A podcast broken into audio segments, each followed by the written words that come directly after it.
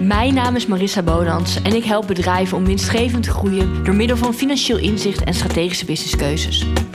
In deze podcast neem ik je mee in mijn winstgevende tips, mijn eigen ondernemersverhaal en interview ik inspirerende merken in hun weg naar winstgevende groei.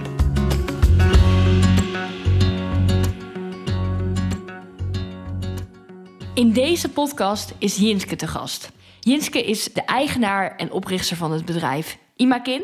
En in deze podcast ga ik het met Jinske hebben over waarom je van je creatieve hobby eigenlijk niet je beroep moet maken.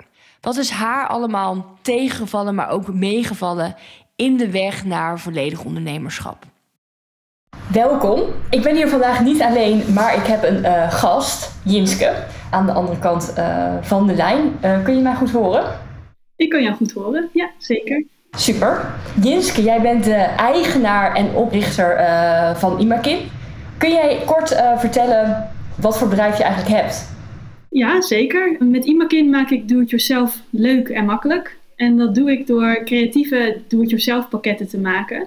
Dat zijn pakketten waarin alle materialen zitten voor een creatief project. Met stap voor stap instructies, zodat je je eigen woonaccessoires kan maken. Dan kunnen we eigenlijk zelf aan de slag om onze woning wat uh, persoonlijker te maken. En ik heb je uitgenodigd omdat we het over een heel interessant uh, onderwerp gaan hebben. Tevens de titel van deze podcast, dus misschien dacht jij als luisteraar, hm, hoezo dit? Maar waarom je van je creatieve hobby niet je beroep moet maken. Terwijl ik denk dat voor velen de droom is, nou, ik ben ergens enorm goed in, enorm creatief, mijn enorme passie, ik ga er eindelijk voor. Maar jij zegt eigenlijk, nou, zou je eigenlijk niet moeten doen. Kun je dat kort uh, toelichten? Ja, ja, dat klopt. Volgens mij zijn er veel mensen die creatief zijn, die de droom hebben om uiteindelijk van hun hobby hun beroep te kunnen maken. Om echt te kunnen leven van, van wat ze het allerliefste doen. En als ik bijvoorbeeld op beurzen sta en ik praat met, met klanten of bezoekers, dan hoor ik dat ook heel vaak. Dat mensen het zo leuk vinden dat ik van mijn hobby mijn beroep heb gemaakt. En eigenlijk vaak ook met een soort verlangen van dat ze dat ook wel zouden willen. Alleen, ja, er komt wel wat meer bij kijken om dat uh, te realiseren. En dat is inderdaad. Uh, dat het toch wat minder rooskleurig is um, dan dat het lijkt. Heb je het idee dat je je creatieve hobby deels bent verloren door, door wel de stap te maken? Want, want ja, jij leeft hiervan, dit is, dit is je fulltime uh, baan, je beroep, je hebt er geen andere baan uh, naast. Denk je, hmm, eigenlijk ben ik mijn creatieve hobby verloren en had ik het maar anders gedaan? Dat is inderdaad wel de belangrijkste reden waarom ik zou zeggen: maak van je creatieve hobby niet je beroep. Ik heb er geen spijt van. Maar wat ik me niet realiseerde is inderdaad dat als je dan creatief bezig bent, dat dat wel echt als werk voelt. En wat zijn voor jou de grootste punten dat je denkt, poeh, ja, het, het, het, was allemaal wat in loondienst en die, en die zeurende baas, maar dit, dit is het ook niet helemaal. Wat, wat zijn dat voor jou, de, de grootste strubbelingen eigenlijk die je ervaart? Ik denk wat ik me niet realiseerde is dat als je creatief ondernemer bent, dat het creatief bezig zijn eigenlijk misschien maar 10% van je tijd is alle zaken eromheen als uh, marketing, social media, boekhouding en dat soort dingen, dat neemt eigenlijk veel meer tijd in beslag. Ja, wat ik net al aangaf, als je dan creatief bezig bent, dan is dat echt je werk. Dus waar je eerst ontspanning uit je creatieve hobby haalde, voelt dat nu echt als werk. In mijn geval is dat omdat ik eigenlijk iedere stap van het project wat ik maak, moet ik fotograferen. Dus ik ben veel meer bezig met belichting en compositie en leg ik het allemaal wel duidelijk uit. Maar als je bijvoorbeeld handgemaakte dingen maakt, dan vind je het misschien leuk om, om één keer een, een berenknuffeltje te haken. Maar ja, wat nou als je een bestelling van 100 stuks krijgt? Hoe leuk dan is het dan? je weer en weer. Precies, ja. Hoe is, ja, en hoe leuk is het dan nog om 100 stuks van hetzelfde patroon te haken? Dus ja, je hobby is echt je werk en zo voelt dat dan ook. Ja, en dan ga je niet denken op, op zondag, nou, ik ga even ontspannen, ik ga er nog eens voor zitten om dat ook in mijn vrije tijd te doen.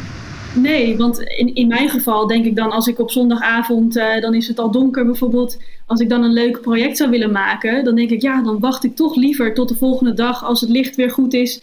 En ik er ook foto's van kan maken, zodat ik het op mijn blog kan delen. Ja, want dan kan je het meteen goed, uh, goed benutten. En ik, ik herken dit enigszins uh, wel. Ik heb ja. namelijk ook eigenlijk best wel een hekel aan bijvoorbeeld mijn eigen administratie. Die heb ik ook zo laatst uitbesteed. Ja. Omdat je daar eigenlijk al dagenlang mee bezig bent. Ja. Jij bent wel goed ook in het, in het zakelijk, of jij hebt, het is je gelukt om van uh, nou ja, het creatieve je beroep te maken en ervan te leven. Wat zijn voor jou de aspecten geweest dat dat je is gelukt? Want dat is ook voor vele ondernemers puur nog een droom. Ja, ik denk het feit dat het gelukt is, dat heeft heel erg te maken met doorzettingsvermogen. Ik denk dat heel veel ondernemers, en met name creatief ondernemers, aan het bedrijf beginnen en dat misschien vanaf het begin niet helemaal serieus nemen, het echt als een hobby zien, iets voor erbij. Ik heb het vanaf het begin af aan serieus genomen.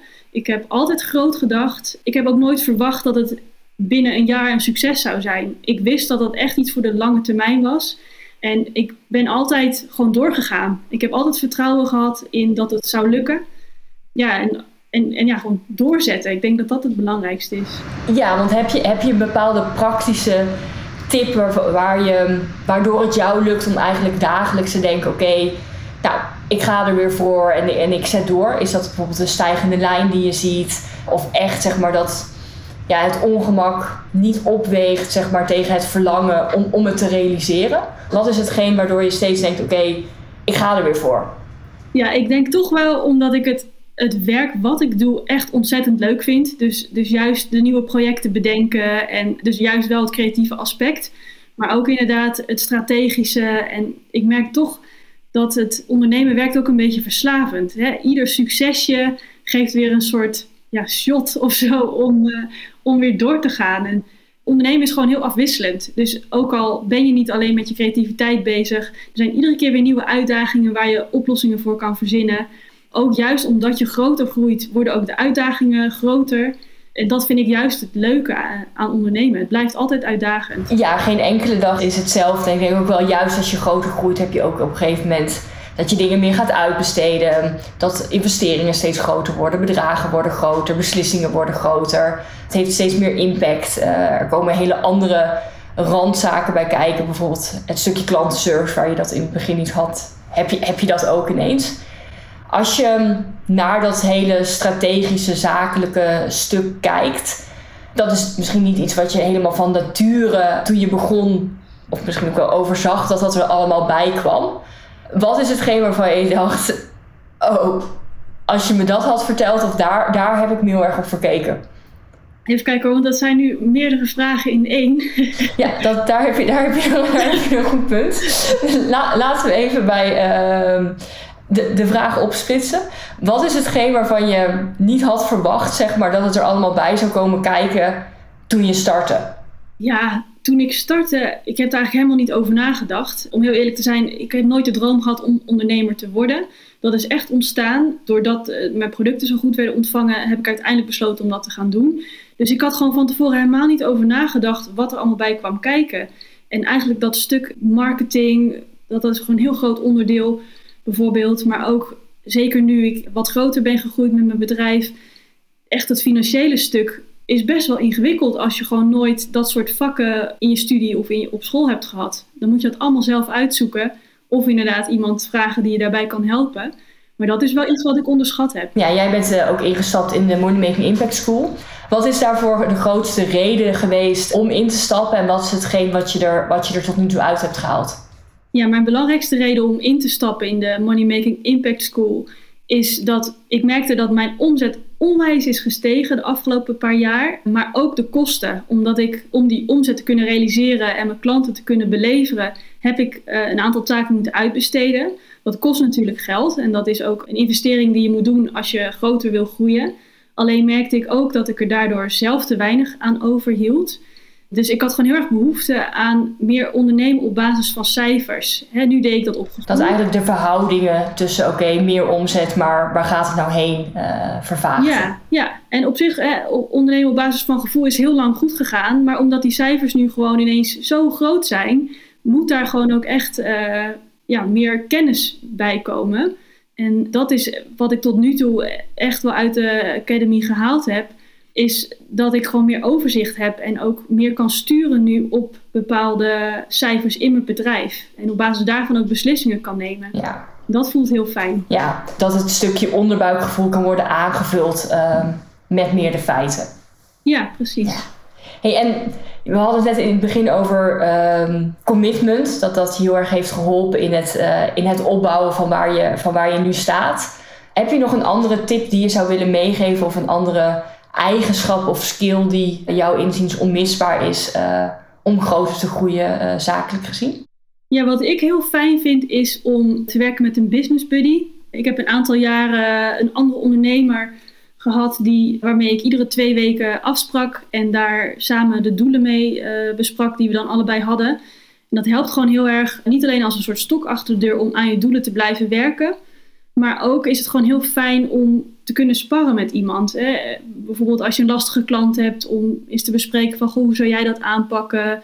En zeker als je een beetje op hetzelfde niveau zit qua ondernemen en ervaring, dan is het heel fijn om samen dingen uit te kunnen zoeken hè, waar je tegenaan loopt um, in de opschaling van je bedrijf. Dus dat zou ik wel uh, aanraden. Dat herken ik ook wel echt. ik heb een mastermind groepje met ondernemers die eigenlijk bijna exact even ver zijn. Waarin je ook veel meer soort van de dagelijkse gang van zaken kan bespreken. Van oké, even loopt iets niet. Maar ook dat we elkaar wel echt verantwoordelijk houden. Een soort van hé, hey, maar dit was jouw doel en waar, waar sta je? Dat dat ook wel een hele mooie aanvulling is op, op mensen die wat verder zijn. Waar je je soort van aan kan optrekken.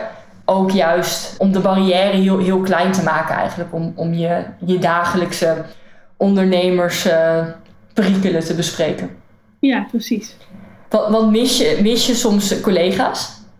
Nou ja, ik heb het geluk dat ik een, uh, een werkplek heb in een uh, creatieve broedplaats. Daar zitten nog, uh, nog 40 andere ondernemers. En daar heb ik ook echt wel een vast groepje met ondernemers. Nou, dat zijn inmiddels gewoon vrienden geworden. Maar daar kan ik eigenlijk ook altijd wel uh, terecht voor advies of hulp met bepaalde dingen. Dat is heel fijn. Ja, dat je het, een soort van toch collega's hebt en het niet helemaal alleen Ja, waarmee je gewoon doen. kan gaan lunchen ja. en op vrijdagmiddag kan borrelen en uh, ja. meer op die manier. Ja. ja. dat is ook wel, dat is als ik denk, terugdenk aan loondienst, is dat wat ik, wat ik mis. Maar dat kan je ook heel makkelijk zelf creëren. Ja, zeker. Als je nu helemaal opnieuw zou moeten beginnen met je bedrijf of je zou helemaal iets anders gaan doen en je zou morgen iets nieuws starten. Wat zou je dan anders doen? Ik denk wel dat ik veel hetzelfde zou doen. Vooral ook omdat ik door alles zelf uit te zoeken en zelf te, ja, te beginnen ook alles goed heb geleerd. Ik snap heel goed hoe bepaalde taken moeten. Maar toch zou ik wel eerder hulp hebben gevraagd met bepaalde dingen. Zoals online adverteren. Want dan had ik al veel eerder kunnen groeien, denk ik. Dus ik denk dat ik eerder bepaalde taken had uitbesteed. Ja, en in dat online adverteren zie ik ook wel echt dat dat inderdaad een investering is als je het laat doen. Maar dat het zoveel geld kan kosten als je eigenlijk erachter komt: oké, ik heb nu wel omzet, maar mijn kostprijs is even hoog. En ik adverteer nu eigenlijk bijna verlieslatend of in ieder geval niet echt winstgevend. En dat dat het nooit waard is om het dan. Uh, zelf te doen. Al kun je natuurlijk, als je het zelf goed kan, is het een ander verhaal. Maar vaak is dat ook wel echt een, uh, een vak apart. Ja, zeker. Maar ook bijvoorbeeld het, het uitbesteden van bestellingen inpakken. Ook dat is natuurlijk best wel een grote stap, vond ik in ieder geval. Maar ik heb wel gemerkt dat wat me zoveel tijd oplevert. En niet alleen tijd, maar ook ruimte in mijn hoofd. Waardoor ik weer meer strategisch kan denken en weer meer creatieve inspiratie heb. Dus ook dat soort taken die onderaan de streep misschien wel echt geld kosten, leveren in die zin in je bedrijf ook weer heel veel op. Omdat je dan dus echt weer als ondernemer kan doen waar je zelf goed in bent. Ja, dan kan je veel meer van de, de visie van het, van, het, van het bedrijf gaan leven. Ik denk ook wel dat alle operationele taken zo snel mogelijk weg moeten als je er weer een soort van de CEO-visie, adelaarsvisie boven wil hangen. En dan op basis daarvan de keuzes kan maken. Dat dat ook soms nog een, een hele spannende stap kan zijn van oké, heb ik het geld om het uit te besteden? In plaats van wat levert het me op? Ja. ja, en in mijn geval is het eigenlijk altijd eerst geweest van nee, ik heb eigenlijk nog niet het geld om het uit te besteden, maar ik ga het toch doen. Want het is gewoon nodig om te groeien. Ja, dat is gelukt. ja. Ehm, dus dat is, een, uh, dat, dat is denk ik een, een, een goede stap. En ik denk ook wel, wat we ook echt zien van nee, als je het uitbesteedt en het werkt toch niet, dan ook weer zeg maar dus besluiten nemen van oké, waar ligt het aan en waar kan ik bijsturen. Uh, dat dat wel goede stappen zijn om altijd te blijven uh, nemen. Zijn er nog bepaalde vragen waarvan je denkt, hé, hey, die heb je me niet gesteld, maar god, het was leuk als je me die wel had gesteld? Of nou, dat zou ik uh, echt nog mee willen geven aan de creatieve luisteraar? Ja, ik denk wel nog iets wat ik zou willen meegeven. Ik heb natuurlijk nu gezegd, maak van je creatief hobby niet je beroep. Maar als dat je grootste droom is, dan zou ik echt zeggen: ga ervoor. Want ondernemen is wat mij betreft het allerleukste wat er is. Ik probeer ook gewoon niet die drempel te hoog te maken. Ik denk dat mijn belangrijkste advies is gewoon starten. Ook al is je product nog niet 100% perfect. Dat hoeft ook niet. Bij 80% kun je het ook online zetten. En afhankelijk daarvan en hoe je klanten dan reageren op je product, kun je altijd nog weer bijschaven. Dus maak je drempel niet te groot en gewoon beginnen. Ja, gewoon gaan en, en, en ook kijken wat doet het in de markt? Hoe reageert de klant? Uh, hoe reageert... Ik merk ook soms heb je iets, en ik zie dat ook bij, bij andere klanten, dan denken ze, nou, dit product dat wordt hem helemaal. En dan wordt juist het andere producten. Dus dat je daar ook maar gewoon, dat je eigenlijk morgen kan beginnen. Precies, ja. Ja, dankjewel. Graag gedaan. Voor je tijd en voor je eh, goede adviezen. Graag gedaan, leuk dat ik, uh, dat ik er mocht zijn. Geen dank, dan uh, ga ik hem afronden. Dit was de podcast met Jinske, eigenaresse van het merk Imakin. We hebben het gehad over waarom je misschien wel niet jouw beroep zou moeten maken van jouw creatieve hobby. Ik ben enorm benieuwd naar jouw mening hierover en zou het te gek vinden als je me het zou willen laten weten, bijvoorbeeld via Instagram. Je vindt me gewoon door mijn naam te zoeken, marissa.bonans. En misschien denk jij, hmm, ik wil ook wel mijn ondernemersverhaal delen in jouw podcast. Stuur me ook dan eventjes een berichtje of via Instagram of stuur een mailtje naar contact@marissabonans.nl. En misschien inspireer jij andere luisteraars met jouw ondernemersverhaal. Vond jij deze aflevering nou waardevol en wil jij ook winstgevend groeien met jouw bedrijf? Stuur me dan vrijblijvend een DM op Instagram, marissa.bonans. Stuur me een mail op contact.marissabonans.nl of neem een kijkje op mijn website www.marissabonans.nl. Ik spreek je snel.